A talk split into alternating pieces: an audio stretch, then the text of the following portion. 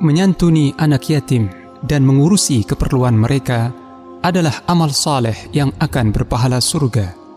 Tidak sekedar masuk surga, tetapi menjadi pendamping Rasulullah sallallahu alaihi wasallam di surga.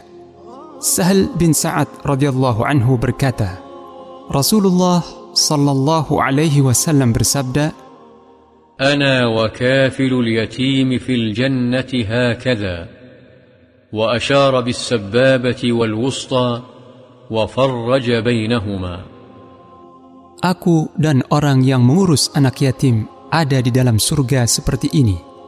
Beliau mengisyaratkan dengan kedua jarinya, yaitu telunjuk dan jari tengah, serta agak merenggangkan keduanya.